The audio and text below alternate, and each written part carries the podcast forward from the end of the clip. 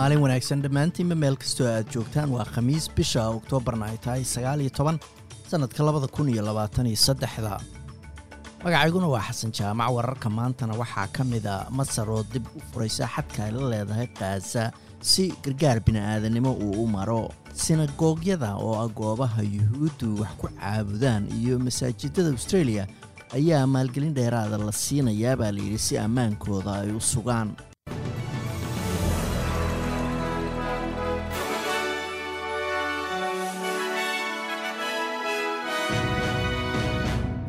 madaxweynaha masar ayaa ogolaaday in la furo xadka u dhexeeya masar iyo khaza si loogu ogolaado in labaatan gawaarida xamuulka oo waddo gargaar bini'aadanimo ay halkaasi u maraan. Madaxweynaha maraykanka joe biden ayaa shalay oo bishu ay sagaal iyo toban ahayd xaqiijiyey inuu telefoonka kula hadlay madaxweynaha masar cabdilfataax el sisi oo sidaasi ku ogolaaday in dib loo furo xadka dalkiisa tan ayaa imanaysa iyadoo qaramada midoobey ay sheegtay in hal milyan oo qof ay ku barakaceen colaadda u dhexaysa xamaas iyo israa'iil. Wasiiradda arrimaha gudaha dalkan australia claire o'neil ayaa ammaantay dadaalada ay wadaan ciidanka xadka australia oo si ammaana dib ugu soo celinaya shacabka australiyaanka ee ka soo noqonaya israa'iil iyo khaza hadalka wasiiradda ayaa imanaya iyadoo diyaaraddii u dambeysay oo dowladdu ay soo qorshaysay ay maanta ka soo duulayso magaalada tel aviv ee israa'iil. Wasiir ka tirsan dowladda federaalka ayaa sheegay in shacabka falastiiniyiintu ay dhibanayaal u yihiin weerarkii xamaas ay ku qaaday israa'iil looguna yeerayo dadkaasi luqado sumcadil ah ayuu yidhi wasiirka sayniska iyo warshadaha ed husig oo taageero ka helaya wasiiradda waxbarashada carruurta yaryar ann ali ayaa sheegay in australia looga baahan yahay inay qirto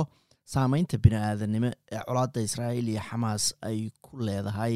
dadka falastiiniyiinta. Ah sinagoogyada oo ah goobaha yuhuuddu ay wax ku caabudo masaajidada iyo iskuullada diimaha ee dalkan australia ayaa dhammaan gobollada dalka oo dhan waxaa la siinayaa lacag gaaraysa konton milyan oo dollar oo ay amnigooda ku sugaan sida lagu sheegay qorshe cusub oo dowladda federaalka ka soo baxay.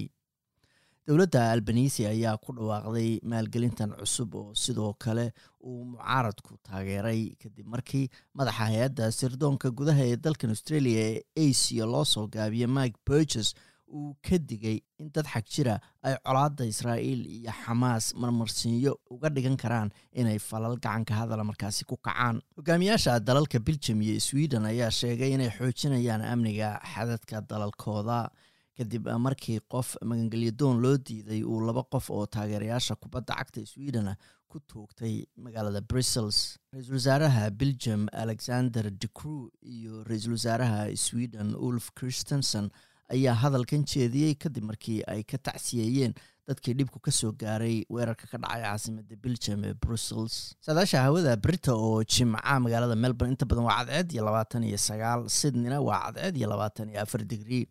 halka australian dollara maanta waxaa lagu sarfayay lixdan iyo saddex senti oo lacagta maraykanka ah